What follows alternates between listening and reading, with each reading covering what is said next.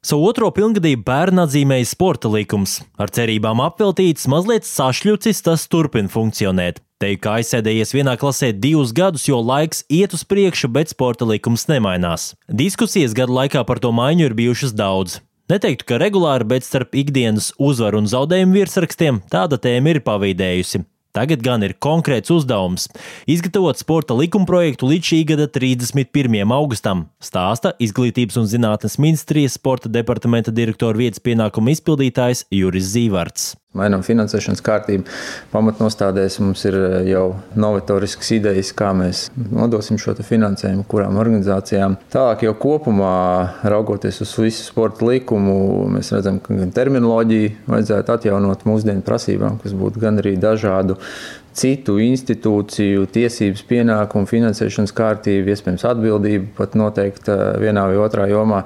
Papildus tam uh, ir jāskat tādas tēmas kā interešu izglītība, ievirs izglītība, nošķiram, nenošķiram, kā mēs viņu definējam, kā mēs varētu viņu finansēt, varbūt veiksmīgāk. Ministrijā iecerēts pilnveidot sporta politikas attīstību. Pirmais darbs, kas izraisīja lielu neapmierinātību no Latvijas Olimpiskās komitejas un Latvijas Sporta federācijas padomas puses, bija ministrijas uzņemšanos pašai piešķirt finansējumu sporta veidu federācijām, nevis kā līdz šim to darīja ar starpnieku palīdzību. Iepriekšējā ministru prezidenta Krišjāņa Kariņa pēdējā izdotajā deklarācijā pirmo reizi diskusijas pārvērtās reālā uzdevuma noteikšanā.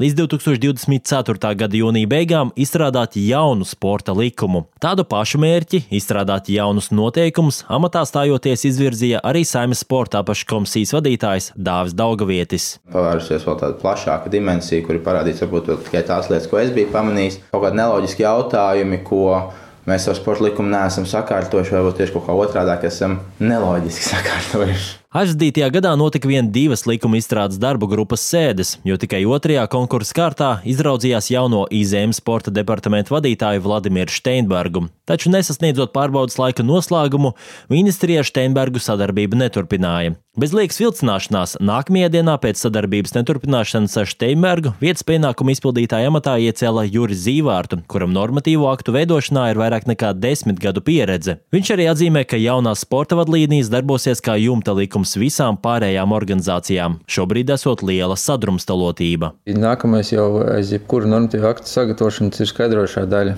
lai visiem būtu skaidrs. Tāpēc maksimāli daudz cenšamies iesaistīt eh, visas organizācijas, kas nu, teiksim, modernizēsim to tādā veidā, lai, lai tiktu iesaistīti visi, izteikt savus priekšlikumus. Tālāk jau ir darbs ar dažādu veidu ministra noteikumiem, nu, lai šo te iedzīvinātu praksē. Jā. Mēs runājam gan par finansējumu, finansēšanu kā tādu, nezinu, par pašvaldības Latvijas Olimpiskā komiteja, viņa funkcijas, kā tas finansējums plūs un norisinās un tā tālāk, un tā tālāk līdz pat, līdz pat sportistiem. Likums tapa 12 gadus pēc Latvijas neatkarības atjaunošanas. Sports Latvijas dzīves ziņā ir iejausta vērtība, tāpēc likums bija nepieciešams arī šai nozarei. 2001. gada janvārī norisinājās 4. Latvijas sporta kongress, kurā diskutēja par valsts sporta likuma projektu. Diskusijas pārvērtās darbos, un nākamā gada noslēgumā Saima pieņēma 20 pantus garo likumu. Taču šobrīd tas ir novecojis, un praksē redzami dažādi veidi, kā tas apiets. Viena no jaunā likuma iecerēm - azartspēļu nodokļu daļu novirzīt jaunāko sportistu attīstības programmām un tautas sportam, stāsta Dāvis Daugavietis.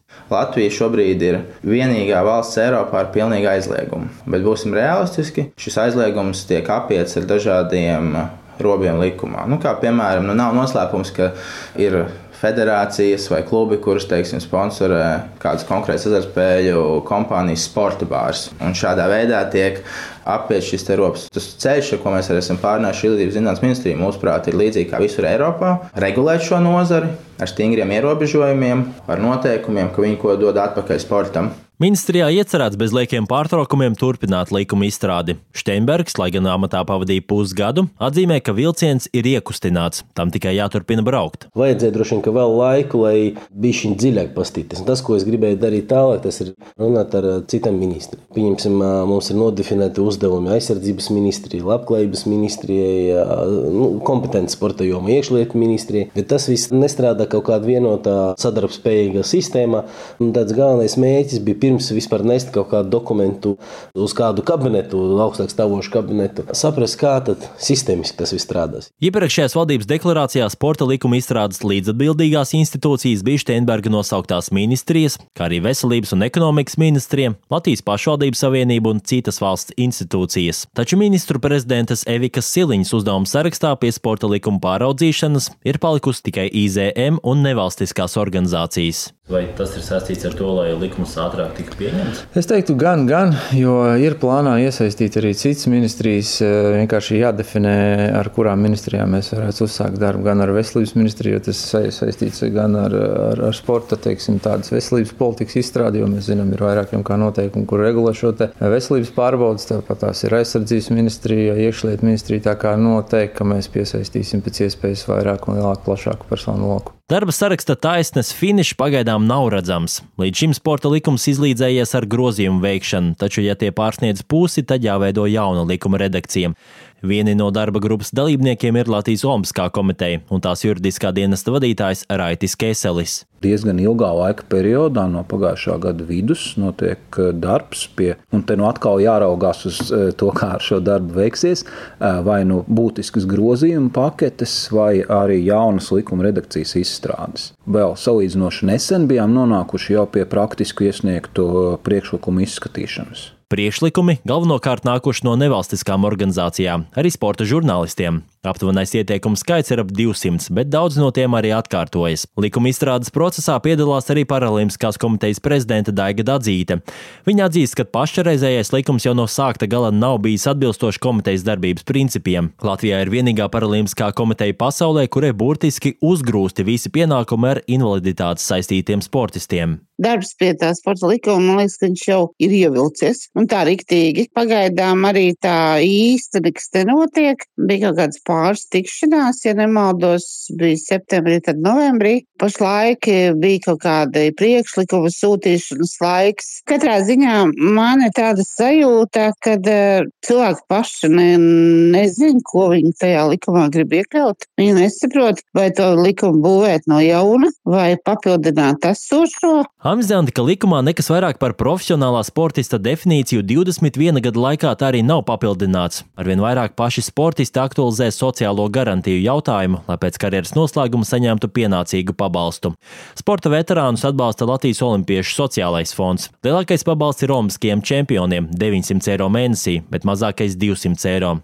Janvārī Saimnes sporta apaškomisijā tika saņemts pētījums par citu valstu piemēriem sportistu sociālo garantiju nodrošināšanā. Šis ir viens no svarīgākajiem punktiem, ko iekļaut likumā, stāsta Olimpiskās komitejas pārstāvis Raitis Kēselis redzam nepieciešamību tomēr e, vairāk lūkoties uz ilgtermiņa mērķu sasniegšanu nekā uz vienreizēju, tagadēju, varbūt pacilājošu, bet e, varbūt tomēr netik ļoti ilgtermiņā motivējošu apbalvošanu. Šādas lietas noteikti jaunajā sporta likuma redakcijā vai grozījumos jāataino. Kam būtu jābūt jēgpilni nodrošinātam, ir sportista cienīgas vecumdienas. Jā, to ir iespējams nodrošināt, izveidojot, piemēram, trešā līmeņa pensiju fondu, kurā cita starpā tiek uzkrātas arī būtiskas summas no attiecīgā sportista naudas balvām. Kādēļ ne? Kopīgi vienošanās par sporta likuma pantiem būs ilgs process. Darba grupu vada IZM pārstāvji, piedalās divas saimnes sporta apakškomisijas dalībnieki - Dāvis Daugviets un Raimons Bergmanis. Tāpat darbā iesaistīta sporta izglītība iestāžu direktoru padome, Latvijas Sporta federācija padome un Latvijas Olimpiskā komiteja. Kā viens no problēmas risinājumiem būtu jāiekļauj arī obligātās peldēt apmācības bērniem. Taču, kā atzīst bijušais IZM sporta departamenta vadītājs Vladimirs Štembergs,